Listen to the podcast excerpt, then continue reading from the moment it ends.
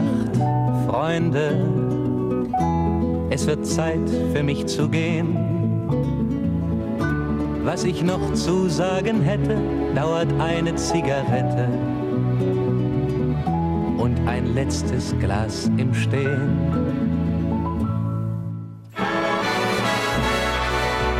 Dit is Het Beste uit het Oog. De wekelijkse podcast van NOS met het oog op morgen. Buiten is het 14 graden. Binnen zit Mieke van der Wij. Welkom bij deze nieuwe podcast. Deze week konden miljoenen mensen twee nieuwe pagina's uit het dagboek van Anne Frank lezen. En telde één gelukkige koper miljoenen neer voor een bijzondere diamant.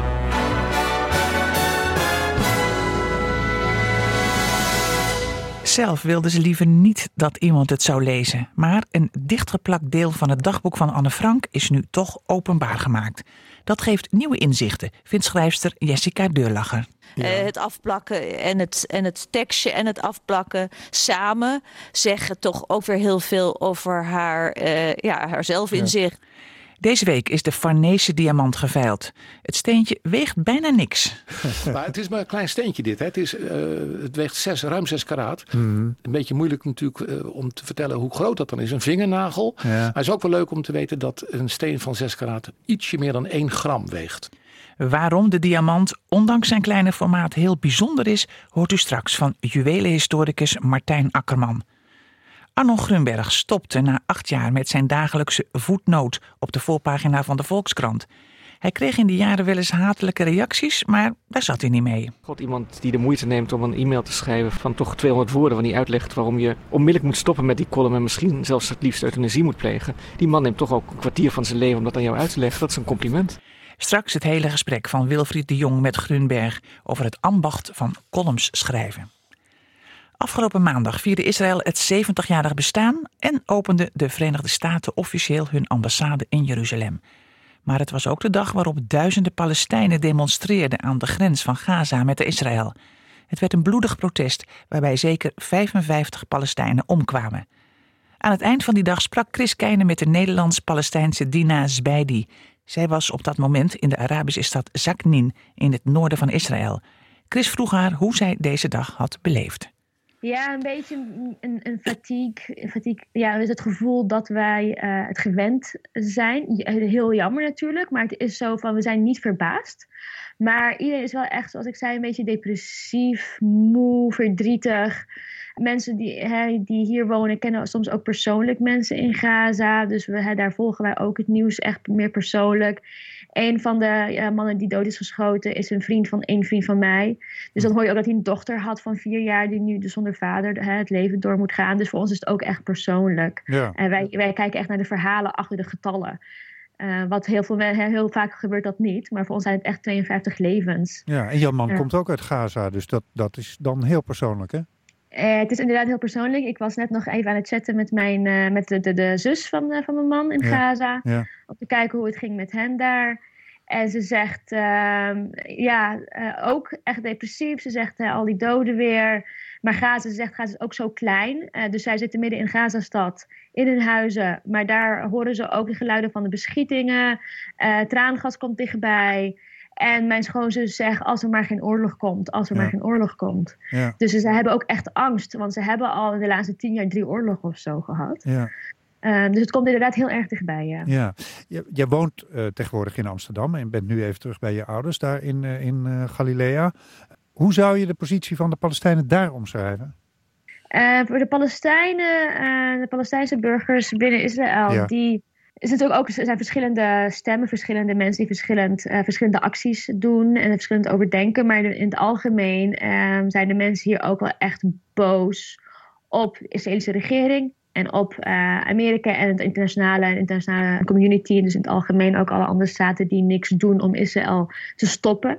Uh, in hun bezetting en discriminatie binnen Israël wegens de Palestijnen. Het gaat allemaal gewoon door.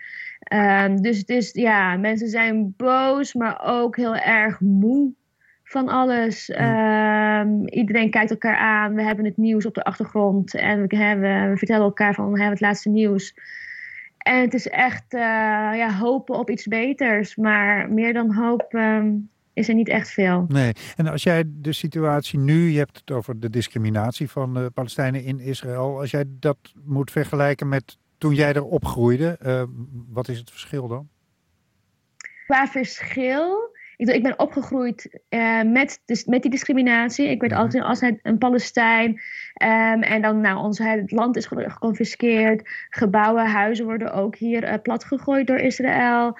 Uh, mijn vader is een politieke gevangene, heeft jaar in de gevangenis gezeten. Daar ben ik ook mee opgegroeid. Hm. Studeren, werk vinden, et cetera, is allemaal moeilijk. Dus daar ben ik mee opgegroeid. Ja. En het is nu niet uh, beter geworden, andersom juist. Want ik denk ook in de laatste nou, tien jaar dat in het internationaal is, hij wordt is het niet heel makkelijk iemand een terrorist te noemen? Is het heel makkelijk om mensen weg te wuiven? En, en om dingen zeggen, worden makkelijker gezegd. Dus het is makkelijker om Palestijnen zwart te maken zonder het context, zonder het verhaal erachter, zonder ehm, de geschiedenis daarachter. Ja. Uh, dus voor mij is het vooral deprimerend om te horen hoe mensen uh, ja, uh, zo een korte geheugen hebben soms. En praten alsof het alleen maar in de laatste tien jaar allemaal gebeurd is. Alsof het conflict een tien jaar oud is, terwijl het al zeventig jaar oud is, als het langer. En dus het is er zeker niet beter op geworden. Alleen het is nu gewoon deprimerend om te zien dat het dus niet is verbeterd. Nee. Dus hoe zie jij zelf eigenlijk de toekomst van de Palestijnen? Nou, zo, zolang de bezetting uh, voortgaat, zolang uh, de Palestijnen leven onder, uh, onder Israël, zou ik zeggen, economie wordt, is onder de controle van Israël. Palestijnen kunnen niet, de grens niet in of uit. In Gaza zijn ze helemaal opgesloten. In de Westbank is het ook heel moeilijk. Ze kunnen niks ehm, doen. In, of het is heel moeilijk om echt een toekomst, een positieve toekomst toe te gaan onder bezetting. Dus zolang dit verder gaat, zie ik niet echt een, uh, een positieve uh, verandering. Vooral niet ook onder de Palestijnse leiderschap. En dan moet ik ook erkennen, daar, mm. daar hebben wij ook niet echt veel vertrouwen in. Nee. Dus het enige wat ik kan zien in, in de toekomst is dat, er, dat we altijd uh, blijven verzetten. en, we blijven de straat opgaan. En we proberen de mensen te, eraan te herinneren dat wij ook nog steeds bestaan. En wij ook recht hebben en wij ook gehoord willen worden. De hoge commissaris van de Mensenrechten van de VN wil een onderzoek instellen naar het geweld van afgelopen week. Tja. Anne Frank schaamde zich een beetje voor een paar schunnige teksten in haar dagboek. En daarom plakte ze die af. Met speciale technieken zijn de pagina's nu weer leesbaar gemaakt. Het gaat om pagina's 78 en 79 van 28 september 1942. Wilfried heeft auteur Jessica Durlach te gast en zij legt ons uit waar we op die dag zijn in het hele verhaal van Anne Frank. Nou ja, redelijk in het begin natuurlijk, want ze ging uh, in juni uh, gingen ze uh, onderduiken. Um, maar ja, kijk, ik, had zelf zit ik, had ik net even zitten naspeuren wat er nog meer allemaal op 28 september 42 uh, zou zijn geschreven. Ze heeft die dag ongelooflijk veel geschreven. Dus het is geestig dat nou juist deze passages uh, nu uh, uh, naar voren komen. Want ze heeft werkelijk de hele dag moet zeker negen uur achter elkaar hebben geschreven. Dus dat is een van de belangrijkste uh, scènes eigenlijk die wij gebruikt hebben voor toneelstuk. Mm -hmm. was de scène over de bescheidenheid die ze elkaar allemaal uh, betwisten. ze vinden elkaar allemaal niet bescheiden of wel bescheiden. Dat is een ongelooflijk geestige um, die ze uitgebreid heeft beschreven op die dag. En kennelijk heeft ze die dag was ze heel wild en heeft ze ook nog allerlei uh, moppen op papier gezet. En, uh, en, en, en het verhaal waarbij ze dus eigenlijk de lezertjes seksuele voorlichting geeft. Dus ze had het druk. ja, ongelooflijk. Ja, Nou, nou, nou de, de, de directeur van de Anne Frank Stichting... die, uh, die, die, die, die zegt over de, de vondst van deze twee pagina's... Van dat het een beter begrip is uh, op, op, op Anne van Anne. Vind je dat nou ook? Nou ja, als je dat ja, ik bedoel, Kijk, voor, iedereen, voor iemand die um, uh, dat werk echt helemaal wil, alles ervan wil weten, is het natuurlijk weer een heel klein puzzelstukje naar haar uh, psyche. Maar het is het echt uh, ook wel de, de meligheid van een meisje van, van 14 uh, die ik er eigenlijk in zag. Ja, want en, zeg even, we moeten misschien even voor mensen die nog van niets weten. Wat, wat, wat is er te vinden op die pagina's volgens jou? Nou, Naast grapjes, hè? nou, het gaat dan om een. het gaat om pagina's die sowieso al een beetje rommelig waren in haar ogen. En die ze dan heeft gevuld met moppen die ze waarschijnlijk aan tafel hoorde van de volwassenen. Niet hele goede moppen. Een beetje schunnige moppen zonder echte pointe. Dat is op pagina 78. En dan heb je ook nog op pagina 79 uh, een verhaal over hoe zij uh, anderen zou inlichten over wat, uh, hoe het in de seks toegaat. Nou, ja. Heel plat eigenlijk. Ja, als jij, die, als jij die pagina's nu bij de hand had gehad een aantal jaar geleden en je was bezig geweest met het script van Anne, had je, had je dan dat, die, die pagina over seksualiteit, had je dat gebruikt? Had je gedacht, god, dit is interessant materiaal voor, voor ons? Mm, nou, nee. Nou, ik, ik heb altijd wel enorme um, waardering gehad voor de manier waarop Anne haar dagboek 1 en haar dagboek 2. Ja, dat zijn twee versies eigenlijk die ze geschreven heeft. Uh, hoe ze in dagboek 2, uh, eh, dat ze pas begon eigenlijk uh, te schrijven en te, te, samen te stellen in 1944. Toen ze dus al heel lang daar zat. Op 29 maart kreeg ze toen het bericht dat van de minister van dat moment op de radio was, minister Bolkestein. Die zei: Jongens, um, dames en heren, u moet zoveel mogelijk uw dagboeken gaan uh, schrijven en uw eh, herinneringen en ervaringen op papier zetten voor na de oorlog. En toen heeft zij in een rush van een paar maanden alles wat ze al had geschreven geredigeerd um, en uh, herzien en, en beter gemaakt. En, en eigenlijk is, is dat een heel nieuw, uh, hele nieuwe versie van het dagboek mhm. geworden. En daarbij paste dit ook helemaal niet, want het was van veel minder kwaliteit. Dus in die zin wil, wil, ik er eigenlijk sparen voor zichzelf. Ik zou als schrijver gek worden als mensen naar de dingen die ik heb geschrapt, uh, mijn psyche gingen afmeten. Want dat zijn de dingen waar je dan overheen bent. Ja, maar ja, heeft natuurlijk ook niet voor niks het, het afgeplakt. Hè? Dat is, vind, is toch wel een punt eigenlijk. Hè? Iemand plakt Tuurlijk. iets af, die zegt, nou, dit is is niet goed genoeg, dit wil ik eigenlijk niet. Nee. Uh, en nu, nu, al die jaren later zeggen wij, uh, publiceren wij het eigenlijk al. Ja, maar natuurlijk wel met de vermelding dat het afgeplakt was. En dan is dat op zichzelf nog. ook alweer informatie die aangeeft hoe haar geest evolueerde. Ja. Uh, het afplakken en het, en het tekstje en het afplakken samen zeggen toch ook weer heel veel over haar, ja, haar zelfinzicht ja. en Heeft intelligentie. Heeft ze niet recht op een geheim, vind jij? Nou, dit is natuurlijk geen geheim. Dit is niet echt een geheim. Dan zijn, dan zijn die vijf pagina's waarin ze over haar moeder de meest vreselijke dingen zegt ook een geheim. En dat hebben we natuurlijk ook al lang omarmd als een onderdeel van het dagboek. En, en, en, die zijn ook interessant. Want ja, ze, is, en ze is natuurlijk een heel reflectief meisje geweest. Dat mhm. eigenlijk in een heel korte tijd volwassen werd. En dat, dat is ook het bijzondere van dat dagboek. Je ziet haar eigenlijk geestelijk groeien. En tot een schrijfster uitgroeien. Iemand die ook andere mensen wilde vermaken. Ja, nu komen we eigenlijk tot de hamvraag, Jessica. Uh, je hebt die tekst ook uh, voor je, neem ik aan. Of in ieder geval een kopie, ja. kopietje ervan nu.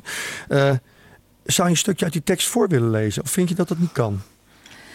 Ik wil het wel doen, maar wel in context dan. Dat we allemaal weten dat ze het heeft weggesmeten. ja, ja oké. Even denken hoor. Um, ik kan een stukje uit haar seksuele voorlichtingsstukje doen. Want ze is natuurlijk zelf ook veertien geweest toen ze het schreef. Dus dat vond ze kennelijk buitengewoon fascinerend. Een vrouw wordt omstreeks haar veertiende jaar ongesteld. Dat is dan het teken dat zij rijp is om met een man verkering te hebben. Maar dat doet men natuurlijk niet voor men getrouwd is. Als men getrouwd is, kan men het wel doen. Men kan ook zelf regelen of men kinderen wil hebben of niet. Als men wel wil, gaat de man op de vrouw liggen en doet het mannelijke zaak, zaad in de vrouwelijke schede. Dat gebeurt door ritmische bewegingen. Nou goed, zo gaat het door. Wil je dat ik het helemaal voorlees? Nou, eh, Jessica, ik, ik moet zeggen, ik heb niet van, van veel mensen seksuele voorlichting gehad, maar nu van Jessica en van Anne Frank. Dus ik ben eigenlijk heel blij met deze, met deze zinnetjes. Ik dank je hartelijk voor deze reactie. Jessica okay. Deurlacher. Juwelenhistoricus, hoe word je dat eigenlijk? Die vraag legde mijn collega Chris Keijner voor aan Martijn Akkerman. Hoe wordt men dat? Ja? Uh, interesse hebben in juwelen, ja. uh, in kunst in het algemeen en dan specialiseren in juwelen. Oké, en u weet alles van juwelen, dus u had ook eerder van deze Farnese diamant gehoord? Nee, daar had niemand van gehoord en ik heb de afgelopen weken, ik weet het natuurlijk sinds een paar weken wel, dat die geveild wordt. Ja. De literatuur nagekeken en het blijkt dat in alle grote boeken over diamanten die steen niet genoemd wordt. Goed, en uh, zit u dan morgen vol spanning uh, de berichten op? Ik lig voor de laptop. Voor de laptop, ja. Wordt het gestreamd? Of, uh... Het wordt gestreamd. Je, kan, je kunt live uh, meedoen en, of meekijken. En dan ja, zeker kijken wat hij gaat opbrengen. Ja, Want waarom, waarom is het zo'n bijzondere steen en dus zo'n bijzondere veiling? Um, het is een blauwe diamant. En ja. diamant komt in alle kleuren voor. kleurloos tot zwart en alles wat ertussen zit. Maar de kleur blauw is buitengewoon zeldzaam. Hoe wordt een diamant blauw? Een diamant wordt blauw door boron, de, uh, de toevoeging van boron in de aarde. Uh, diamant bestaat uit koolstof en het mineraal boron maakt de kleur blauw. Eén uh, molecuul boron op een miljoen molecuul koolstofmoleculen maakt de kleur blauw. Okay. Maar het komt en het moet ook echt in die verhouding zijn? Het moet in die verhouding zijn. Dat komt dus niet vaak dat voor? komt niet vaak voor. Het, is, het komt hierop neer dat een, een tiende procent van alle diamanten een tiende procent, ja. Een tiende procent. Ik probeer is, even de komma en, uh, ja, en de nullen goed te ja, zetten. Ja, is blauwachtig. En daarvan is dan nog maar weer 10% geschikt voor een juweel. Oh. Dus het is heel weinig. Dus hoeveel zijn er op de wereld? Nou ja, er zijn een paar bekende blauwe stenen. De Blue Hope Diamond in de Smithsonian Institute in Washington. Hele beroemde steen. De blauwe Wittelsbacher, ook een steen die bekend is. Uh, drie jaar geleden is er een blauwe diamant geveild die twee keer zo groot is als deze steen. Ja. Deze steen is 6 karaat, ruim 6 karaat. Die steen was 12 karaat. De Blue Moon heette die. Ja. En die heeft 40 miljoen euro opgebracht toen. Zo. Dat is veel, hè? Voor dat is heel diamant. veel geld. Ja. Deze steen verwacht men 5,5 miljoen euro. Ik denk dat hij wel de 6 gaat halen. Ja. Uh, gezien de historie ook. Die steen van drie jaar geleden had geen historie. Die was net kort daarvoor gevonden. Want wat is de historie van deze steen? En hoe is het mogelijk dat als ze zo zeldzaam zijn... Uh, men 300 jaar lang niet van het bestaan van deze Farnese heeft geweten? Nou, de familie natuurlijk wel. Ja, uh, die hebben het stilgehouden. Ja, stilgehouden. Ja, dat zou ik ook doen. Maar... De laatste generaties dan. Want hij is, hij is geschonken. Hij is gevonden in de Golconda-mijn in India. Om ja. daarmee te beginnen. Ja. kwamen in de 17e eeuw al de grote diamanten vandaan. Hij is geschonken door de Filipijnen aan, koning, aan, de, aan de Spaanse koningin Elisabeth Farnese. was een Italiaanse prinses. Die trouwde met de Spaanse koning Philips V. En in welke tijd zijn we dan? Dan praten we over 1714. Mm -hmm. Ter gelegenheid van het huwelijk geschonken. Daarna is die steen in de familie gebleven. Er zijn natuurlijk huwelijken geweest. Er is een keer een Habsburgse prinses bijgekomen. Er, is een, een hè, er zijn Franse, uh, Oostenrijkse families bijgekomen. Maar in principe is die steen altijd in die familie gebleven. En ook gedragen. We weten zelfs dat die twee generaties geleden, zeg maar tot 1918, bovenop een diadeem heeft gestaan. Hmm. En uh, daarna is hij in een doosje beland. En is hij dus nooit uh, meer gedragen, nooit meer gesignaleerd en ook Nee. niet in de literatuur beschreven. Maar, eh, ik begrijp dat het mooi is, maar waren dat soort stenen belangrijk voor, voor, Ja. voor vorstenhuizen? Ja, een Of- blauwe diamant is een soort, was een soort graal voor de koningshuizen om dat te bezitten. En waren er, hè, Lodewijk XIV had een blauwe diamant. De Habsburgers hadden een blauwe diamant. De Wittelsbachers hadden er een. En deze familie dus ook, ook al is het maar een klein Was steentje. het een belegging ook? Of? Het was ook wel een soort belegging. Ik roep altijd juwelen en diamanten zijn geen belegging. Maar dit soort stenen dan Maar daar wel. spreekt de romanticus in de historicus vermoedelijk. Of... Uh, nou, de realist. Het is gewoon. maar het is maar een klein steentje dit. Hè. Het, is, uh, het weegt zes, ruim 6 karaat. Mhm. Een beetje moeilijk natuurlijk uh, om te vertellen hoe groot dat dan is. Een vingernagel. Ja. Maar het is ook wel leuk om te weten dat een steen van 6 karaat ietsje meer dan 1 gram weegt. Dat is niks. Nee, dus, dus niks. Niet te hard niezen. Nee, precies. Nee. Um, waarom komt hij nu opeens uh, naar boven? Van wie is die Nou, en het- hoe komt hij op de veiling? Het veilinghuis Sotheby's doet daar een beetje geheimzinnig over. Die hebben een hele beschrijving gegeven. Ja. Maar het eind eh, van het verhaal beschrijven ze niet. Um, dat is gewoon een kwestie van even die familie napluizen. En dan merk je dat er in het begin van de vorige eeuw een Oostenrijkse uh, aartshertogin geweest is. Die trouwde met een de Bourbon. Dat was Anna Maria van Oostenrijk. En die heeft die steen beschreven in haar handgeschreven juweleninventaris. Aha. Haar dochter heeft de steen geërfd. Die dochter die is vorig jaar overleden op 100-jarige leeftijd. De infante Alicia de Bourbon, de Bourbon Parma. Zij had een zoon, maar die was al twee jaar eerder dood. Haar kleinzoon, prins Pedro, hertog van Calabrië, die heeft die steen geërfd. En die gooit hem dus nu op de veiling blijkbaar. Heeft geld nodig. Nou, dat is niet eens zeker. Maar ik bedoel, die mensen hebben natuurlijk wel meer bezittingen. Mhm. En hij denkt, ja, zo'n klein steentje wat ik nou erf, laat ik dat dan maar voor die 6 miljoen verkopen. Ja. Wat hoopt u dat er eh, morgen mee gebeurt eigenlijk? Nou, ik hoop dat die gekocht wordt door een museum.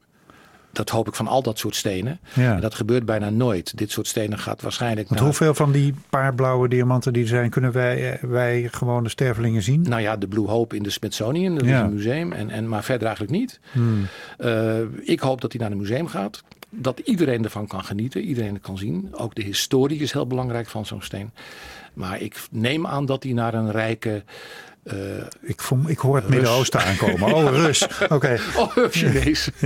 Rus, een Chinees Ja. of een sheik. Ja, ja. de vorige, die blauwe, die Blue Moon, is ook door een Chinese meneer gekocht. Ja, Ja, en, voor eh, zijn dan- dochtertje van en- zeven. En, dan voor, voor zijn dochtertje van zeven. Ja, de Blue Moon. Is gekocht voor een 40 miljoen voor zijn dochtertje van zeven. En heette vanaf dat moment niet meer de Blue Moon, maar de Blue Jo- Josephine, naar het meisje. Misschien koopt hij deze steen ook wel. Een onbekende koper heeft uiteindelijk 5,5 miljoen euro neergeteld voor deze beroemde diamant. Acht jaar lang schreef Arno Grunberg elke dag de voetnoot op de voorpagina van de Volkskrant. Hij kwam tot 2500 voetnoten. Niet één keer liet hij verstek gaan. En deze week verscheen de allerlaatste. Hij is gestopt. Wilfried de Jong sprak hem in de uitzending van dinsdag. Grunberg erkende dat het wel voelt als een afscheid. Ja, een beetje afscheid, want ik ga weg van de voorpagina. Van die, die column stopt. Dus dat, is, dat is, heeft wel iets weemoedigs. Maar eh, je moet, nou, acht jaar is ook genoeg. En ik heb nooit vakantie willen nemen. Ik vond, eh, op een gegeven moment als je in zo'n ritme zit, dan kom je eruit als je twee of drie weken ophoudt. Mhm. Dus ik, ik bedoel, het, is, het voelt wel als een verlies, maar elk verlies eh, biedt ook weer nieuwe mogelijkheden. Maar wat is, Dus het, ben- wat is het verlies dan?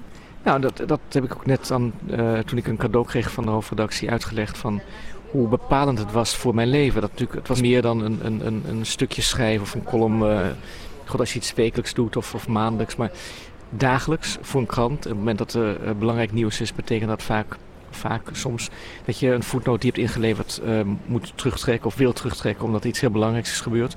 Dus je hebt een heel andere verhouding tot het nieuws en je leeft heel erg met die deadline die zes dagen per week plaatsvindt. Ja. Ehm, en dat, ik denk dat daarvan moet ik wel afkicken. Ja. Ik heb ook gezegd van ik denk dat ik vanavond of morgenochtend toch een geheime voetnoot ga schrijven, gewoon voor mezelf. Om, omdat ik nog, ja, omdat ik echt denk, anders mis ik iets. Zoals een soort metadon, zullen we maar zeggen. Ja, meta, nou, ik, ik, ik gebruik de vergelijking van eh, eh, voetballers die stoppen met voetballen, maar toch nog een, mo- moeten aftrainen om eh, medische problemen te voorkomen. Dus ik dat een paar weken nog of een paar dagen voetnoten schrijven, gewoon voor mezelf, beschouw ik als een vorm van aftrainen. Ja. Ja. Nou, nou is vaak eh, eh, voor een columnist, als die begint met, eh, met, zijn, met zijn serie, eh, is een eerste column schrijven is, is vaak niet de beste. Hè? Eh, geldt dat ook voor de laatste eigenlijk? Ja, ik wist al heel lang ongeveer wat ik in die laatste wilde vermelden. En ik wilde gewoon eigenlijk ook eh, vooral de, de namen noemen van de mensen. Bijvoorbeeld de correctoren die mijn eh voetnoten hebben gecorrigeerd. Een aantal mensen bedanken. En, en nog één aforisme daarin stoppen. Dus dat, dat, nee, ik denk die laatste, die, die had ik eigenlijk al redelijk goed in mijn hoofd. Maar ik dacht alleen, stel nu dat er vandaag nog iets heel belangrijks gebeurt. Dan moet ik daar misschien op reageren. Maar voor zover ik kan overzien is dat niet gebeurd. Dus die laatste vond ik niet zo heel moeilijk. Nou, Ja. ik, ik, ik wil niet veel zeggen, maar er zijn twee pagina's gevonden van Anne Frank. Eh, Tom Wolf is net dood. Oh, Tom Wolf is net, dat heb ik gemist. Ja, Tom Wolf ja. is net Nou, dood. Dus ik, ik had ook dat- de indruk dat jij morgen wellicht een hele bescheiden voetnoot wordt bij de dood van Tom Wolf op de voorpagina. Ja, ik denk dat ik dan misschien mijn eerste geheime voetnoot, die alleen voor mezelf is, over Tom Wolf ga schrijven. Ja. Nou, dat is mooi. Ja. Hey, onder wat voor genres ga jij eh voet nou? eh, Is het nou een column? Is het een ultra kort verhaal? Hoe zie jij dat? ja, soms een ultra kort verhaal. Ik, vond, ik, ik ben echt wel heel blij met, die is vrij toevallig, nou ja, niet helemaal toevallig, maar vrij ik zei van ja, het is een korte tekst, laten we een voetnoot noemen. Maar het zijn natuurlijk voetnoten. In mijn eerste voetnoot schreef ik ook, ik wil voetnoten schrijven bij de menselijke komedie. Ehm, en dat heb ik geprobeerd te doen. En soms reageerde ik heel erg op nieuws, vaak, op artikelen. Maar het waren natuurlijk ook persoonlijke voetnoten over mijn moeder, over mijn vriendin, over mijn leven. Dan waren het meer eh, ja, korte verhalen. Ja. En, en verblijf jij graag in het eh meningencircus van nu? Als schrijver? Nou, dat, me, dat meningencircus, dat woord ehm, geeft, ja, is, is beschrijving en oordeel in één. En dat, Dat weet ik wel ja. met je. Ja, dat is daar, daar, daar, daar niet zo. En ik heb geprobeerd daar, ehm, nou, niet boven te staan, maar, maar wel een, een, een redelijk zinvolle uh, bijdrage aan te leveren. Door, door niet uh, op anderen in te hakken, maar gewoon te zeggen: hé, hey, zo kun je er ook uh, naar kijken. Ik vind op het moment dat het meningencircus niets meer wordt dan een excuus om, om andere mensen af te maken of om je eigen haat te ventileren, is het gewoon eigenlijk heel saai. Ja. kijk, vroeger was ik, ik was een fan van mensen als toen ik opgroeide van W.F. Hermans, Hugo Brandkorstius. Juist omdat ze zo fel en zo agressief waren, wat je verder niet zag. Maar op het moment dat iedereen zo agressief wordt, dat iedereen die, die felheid en, en die gemeenheid heeft, wordt het gewoon minder interessant. Dus uh, ik heb ook geprobeerd in die voetnoot die ik schreef, eigenlijk heel, uh, heel mild en, en, en lief te zijn en die kant te laten zien. Ja. Ik weet niet of iedereen dat zo heeft ervaren, maar dat was wel mijn bedoeling. Nou, ik zat me af te vragen, want vaak als mensen dagelijks schrijven, eh, merk ik wel eens als je met, met, met mensen erover spreekt, dan word je misschien wel tegen wil en dank, word je ook een soort huisvriend. Hè? Je, je wordt iedere dag gelezen en mensen kunnen de dag niet beginnen zonder je. Je, je, je staat mensen bij. Maar jij, jij, af en toe eh, kun je toch ook wel haat oproepen, neem ik aan. Of dat wilde oh, je ja, ook wel. nee, god, ik, ik vind het oké, maar ik bedoel, ik, God, de, de, ik denk dat het een met het ander te maken heeft. Het ergste is of je nou een schrijver bent of een columnist of wat je ook doet. Ik vind die lauwe reacties, die zijn eigenlijk altijd het meest beledigend. Van het was wel aardig of leuk of een, een zesje. Nee, op het moment dat mensen je heel erg goed vinden, dan is het bijna automatisch denk ik ook dat mensen je, ja, je haten. En, en die haat, dat heb ik ook wel eens gezegd, god, iemand die de moeite neemt om een e-mail te schrijven van, van toch 200 woorden, van die uitlegt waarom je onmiddellijk moet stoppen met die column en misschien zelfs het liefst euthanasie moet plegen. Die man neemt toch ook een kwartier van zijn leven om dat aan jou uit te leggen. Dat is een compliment. Ja, nee. ik, vind het soms best, soms neem je natuurlijk dingen persoonlijk, maar ik denk dat je dat zul je ook wel met me eens zijn. Je leert ook wel om gewoon afstand te nemen van, van de negatieve dingen die je over jezelf leest en ook van de positieve dingen die je over jezelf leest. Als iemand zegt, iemand kwam naar me toe van, god, hoe moet ik nou mijn dag beginnen zonder jou? Dat vind ik heel eervol, maar ik denk, nou, dat, dat, dat zal echt wel lukken hoor. Ja, je hebt, je hebt, je hebt de, de, de voetnoot zelf een veel eisende minnares genoemd. Daar spreekt liefde uit, maar ook vanwege het veel eisende enigszins weerzin. Nee, ik denk dat het hoort bij liefde. Ik bedoel, als je langere tijd met, met iemand samen bent, of het nou je, je, je partner is of een, een minnaar of een minnares, er komt altijd wel een soort. Ja, iemand eist iets op. En dat was zeker ook voor de voetnoot zo. Want uh, ja, de, krant, de krant ging door. Er gebeurde van alles. Dus dat, dat, dat had voorrang boven mijn privéleven. En dat heeft in mijn privéleven zeker, zeker wel eens voor vrevel gezorgd. Ja. Maar ja, een deadline is toch belangrijker dan een gelukkige partner, vond ik althans. ja. Kan ook samen gaan, ja. Arnold, trouwens. Nee, oh, ja, dan moet je me nog eens uitleggen, maar misschien is dat niet voor nu. hey, en en hoe, hoe zat dat eigenlijk met de deadline? Sommige, sommige mensen denken van, god, die Arnold is daar de hele dag mee in de weer. Ik ken ook veel columnisten die zeggen, joh, het, het schiet in mijn hoofd en ik schrijf het op en ben met een kwartier klaar. Hoe ging dat bij jou doorgaans? Nou, ik, ik, hou wel van. Ik ben niet iemand die op het laatste moment inlevert. Dat vind ik, daar word ik zelf nerveus van. Dus ik hou ervan gewoon een paar uur van tevoren. En soms zelfs iets langer van tevoren. Als ik weet dat ik op reis ga of iets anders ga doen, in te leveren. En wat de voetnoot betreft, was natuurlijk een hele korte tekst. Dus heel veel van de tijd van het schrijven ging gewoon zitten in het terugbrengen tot die maximaal 149 woorden.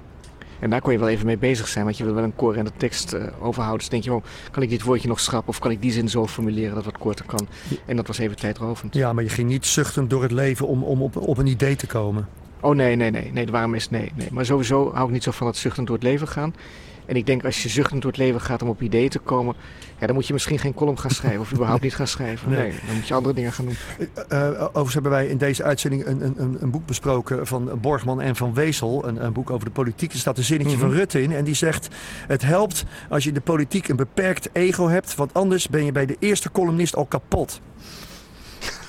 Is een politicus uh, een makkelijk doelwit voor een columnist? Ik denk het wel. En ik heb ook ik, ik heb geprobeerd hele zakelijke kritiek te leveren. Ik, ik heb ook Rutte kritiek geleverd. Ik heb hem ook soms ook wel eens geloof ik in bescherming genomen. En, en dat, dat, nee, dat echt neersabelen van politici. Daar moet ik eigenlijk niets van hebben. En, en, als ik dan een brief kreeg van weer lezen zegt van ja, alle politici zijn zakkenvullers. Dat vind ik dan zo makkelijk gezegd. Dan denk ik ja, ach, dat is nee. Nee, maar ik denk dat dat geldt zeker voor een politicus. Maar het gaat natuurlijk voor meer mensen. Ik bedoel, als je elke kritiek persoonlijk neemt, dan moet je het, uh, ja, dan heb je inderdaad heb je een te groot ego. Ja. Jij gaat uh, uh, zo weer door met je, met je feestje bij, bij de Volkskrant. De, de Philip Remarque zit tegenover je of, of naast je als, als hoofdredacteur.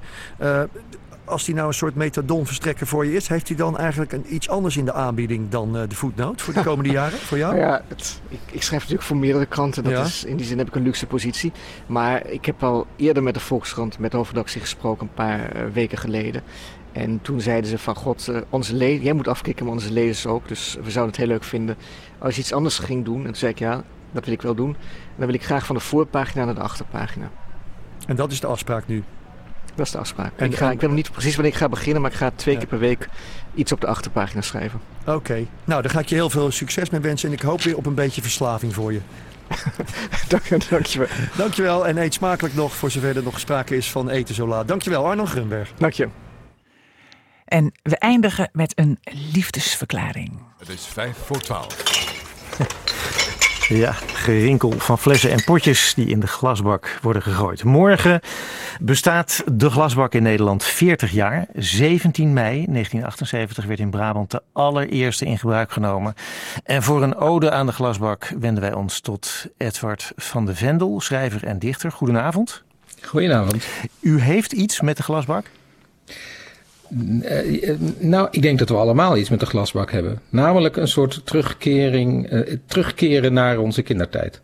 Ik kan me namelijk niet anders voorstellen dat, dat wanneer wie dan ook, of je nou oud of jong bent, vlak, als, je, als je vlak voor de glasbak staat en dat moment dat je die, die flessen naar beneden duwt, dat je dan toch even denkt, ja, leuk. Lekker, ja. En dat heeft u iedere keer nog steeds als u, en u denkt dat wij dat allemaal eigenlijk ook hebben als je iets in de glasbak gooit.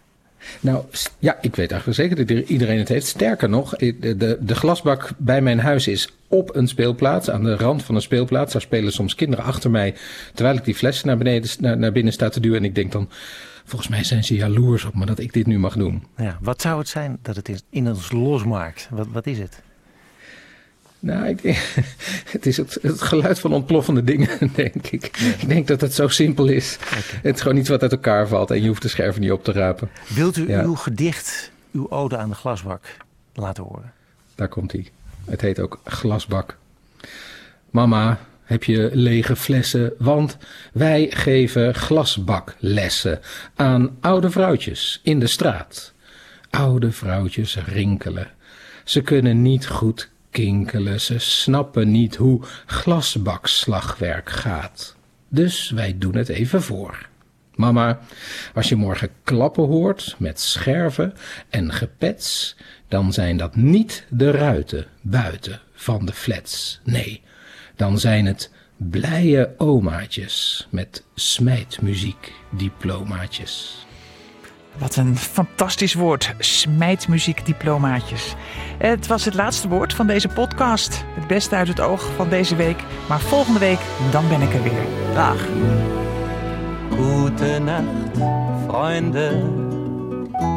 Es wird Zeit für mich zu gehen. Was ich noch zu sagen hätte, dauert eine Zigarette und ein letztes Glas im Stehen.